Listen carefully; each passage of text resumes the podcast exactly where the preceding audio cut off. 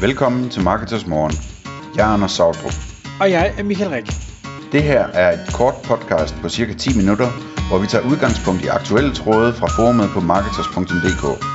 På den måde kan du følge, hvad der rører sig inden for affiliate marketing og dermed online marketing generelt.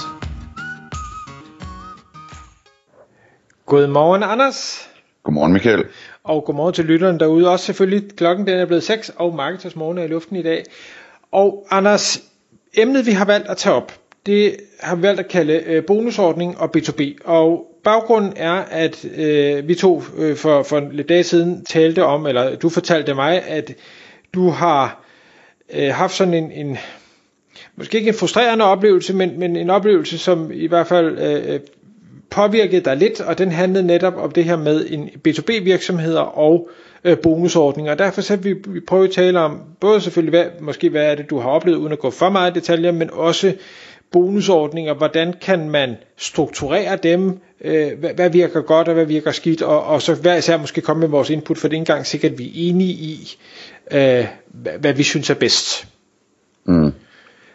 Ja, jeg ved heller ikke, om den er frustrerende, men jeg blev i hvert fald lidt rasende på, øh, på en kundens vegne, øh, fordi, fordi øh, det, som jeg oplevede, det var, øh, det var sådan noget i stil med et, øh, et affiliate-netværk, som, altså, som, som ligesom opførte sig underligt over for en kunde, øh, en B2B-kunde, ikke? en stor B2B-kunde. Og, det, som var underligt, var, at, at de ligesom øh, fastholdt den her kunde i nogle aftaler, nogle kontrakter, og, og, og til synlædende var holdt helt op med at lytte til, hvad det var, der var vigtigt for den her kunde. Altså, øh, kunden ville gerne en ting, og kunden har nogle mål, og kunden vil gerne tjene penge osv., men, men, men de, de løb efter noget helt andet, og holdt så fast på, at det var det, de skulle, fordi det var der en eller anden aftale om, eller sådan noget af den stil. Øhm, og, og jo mere jeg hørte af det, jo mere forstod jeg, at, at, at det der, det handlede om en bonusordning, ikke? Øhm, altså, der sidder en eller anden sælger eller rådgiver øhm, i sådan et sted, øhm, som, som har en bonusordning, som gør, at de skal nå en eller anden omsætning på en eller anden kunde i løbet af et eller andet, en eller anden periode, et år, eller hvad ved jeg, for at få deres bonus, ikke? Øhm, og, og det blev jeg sådan lidt rasende over i virkeligheden, fordi at, at det, det rystede mig egentlig, at der er nogen, der kunne finde på at lave forretning på den måde, nu når vi snakker om store B2B-aftaler. Øhm, fordi den måde, man skal lave forretning på, efter min mening, det er noget helt andet. Jamen, det er, at man, man løbende skal tilpasse samarbejdet, sådan så man hele tiden optimerer imod at, at hjælpe sin, øh, sin kunde, sin annoncør for eksempel i et affiliate-netværk, bedst muligt øh, med at opnå de mål, de gerne vil opnå. Og så man ligesom finder måder, hvor man kan hjælpe på, og finde ud af, hvad man ikke kan hjælpe med, og måske pege dem i en anden retning osv. Men, men at, at man øh, samtidig prøver at finde ud af, om man selv kan tjene nogle penge på det også selvfølgelig. Men, men det, det, altså det første, man skal have fokuset på, det er, det er jo selve kunden og deres mål. Ikke? Altså, og der, der, der, der var jeg rimelig rystet over at høre, hvor langt ude det kan, det kan komme, det der, nu når, øh, når der er sådan en, øh, en øh, ja, lad os kalde det en formodet bonusordning, men jeg, jeg er 100% sikker på, at det er bonus, der er problemet der. Øh, at, at øh, altså folk kan blive sådan helt øh, underlige i deres kommunikation, øh, og, og krigeriske nærmest, ikke? fordi at, at de er så opsatte på at nå det der mål, som, som de øh, bliver motiveret til og pisket til, eller hvad ved jeg, i den virksomhed, hvor de nu arbejder. Øhm, så, så, så hele skåbet med, at, at man er der for kunden og, og lytter til kunden osv., det, det kan bare sådan falde bort, ikke? Øhm, og det, øh, ja, det rystede mig noget, at, øh, at der var nogen, der drev forretning på den måde, fordi at det er ikke den måde, jeg gør det på. Øhm, øh, og så, så spekulerede jeg på, hvordan man egentlig skulle, skulle gøre sådan noget der. Altså, hvordan man burde skrue det sammen. Øh, og der, der kan man sige, der er jo to modeller sådan umiddelbart, hvis ikke man vil have sådan nogle performance bonusser, som, som risikerer at, øh, at, at øh, hvad skal man sige, ind, øh, få organisationen peget i en retning, hvor de løber i den forkerte retning i forhold til, hvad der er bedst for deres kunder, ikke? Øhm, den ene det er jo bare at give alle en, en fornuftig løn, og så ikke have nogen bonusordning. Og så sige, øh, den her løn, den får du øh, for at lave et godt stykke arbejde, og dit arbejde der hvor gør kunderne glade og sørger for, at vi samtidig øh, tjener penge. Og i øvrigt så øh, er det vigtigt, at vi tjener penge på den lange bane, og ikke kun på den korte bane. Øhm, sådan noget af den stil, ikke? Så, og, og det kan virke fantastisk, men det kommer lidt an på, hvad for en medarbejder man har. Men der er jo også nogle medarbejdere, der, der hellere vil have mindre i løn og, og have mere i bonus og sådan noget, og, og ligesom er meget motiveret af bonusdelen af det. Øhm, så det er en mulighed. Den anden mulighed, som jeg ser, jamen, det er at prøve på at finde en bonus, som i højere grad øh, er aligned, hvad hedder det på dansk, øh, hvad hedder det, følger, kan vi sige. Ja. Sådan virksomhedens lidt mere langsigtede mål. Øh, så, så en bonus, der handler mere om måske... Øh, Altså enten så kan man bygge sådan en vildt kompliceret en, hvor man, hvor man indregner kundetilfredshed og og øh, retention og hvad hedder det øh, langsigtet vækst og alt muligt andet, ikke?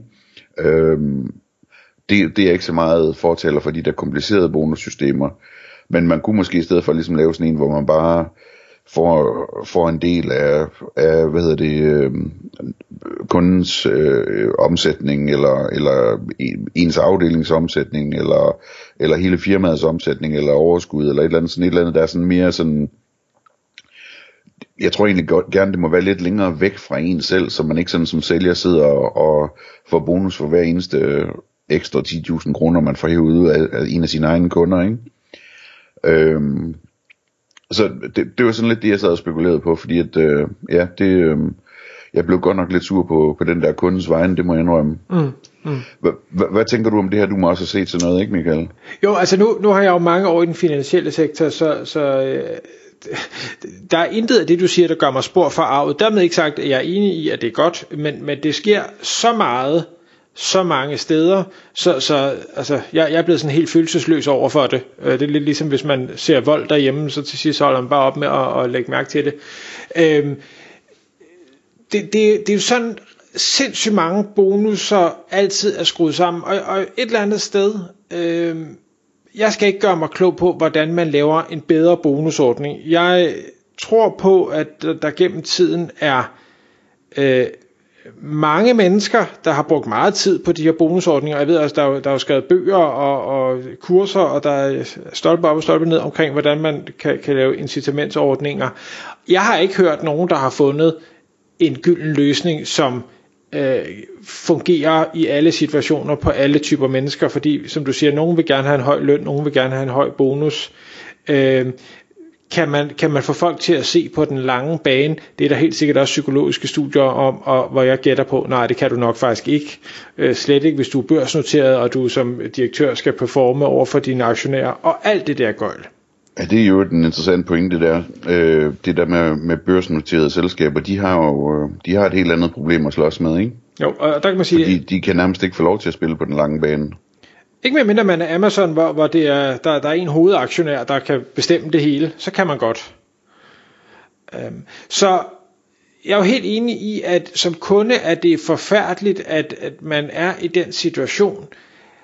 Jeg jeg tror bare ikke, at der findes en løsning andet end at man som kunde, uanset hvad det er, man køber ind i, om det er bankforretninger, eller det er ens øh, affiliate-netværk, eller hvad sådan det måtte være, altid bare bliver nødt til at sige, jamen selvfølgelig har vi et samarbejde, men jeg, jeg stoler i bund og grund ikke 100% på nogen. Jeg skal hele tiden øh, øh, teste eller følge op eller validere for at være sikker på, at, at det er, er mest i mine interesser.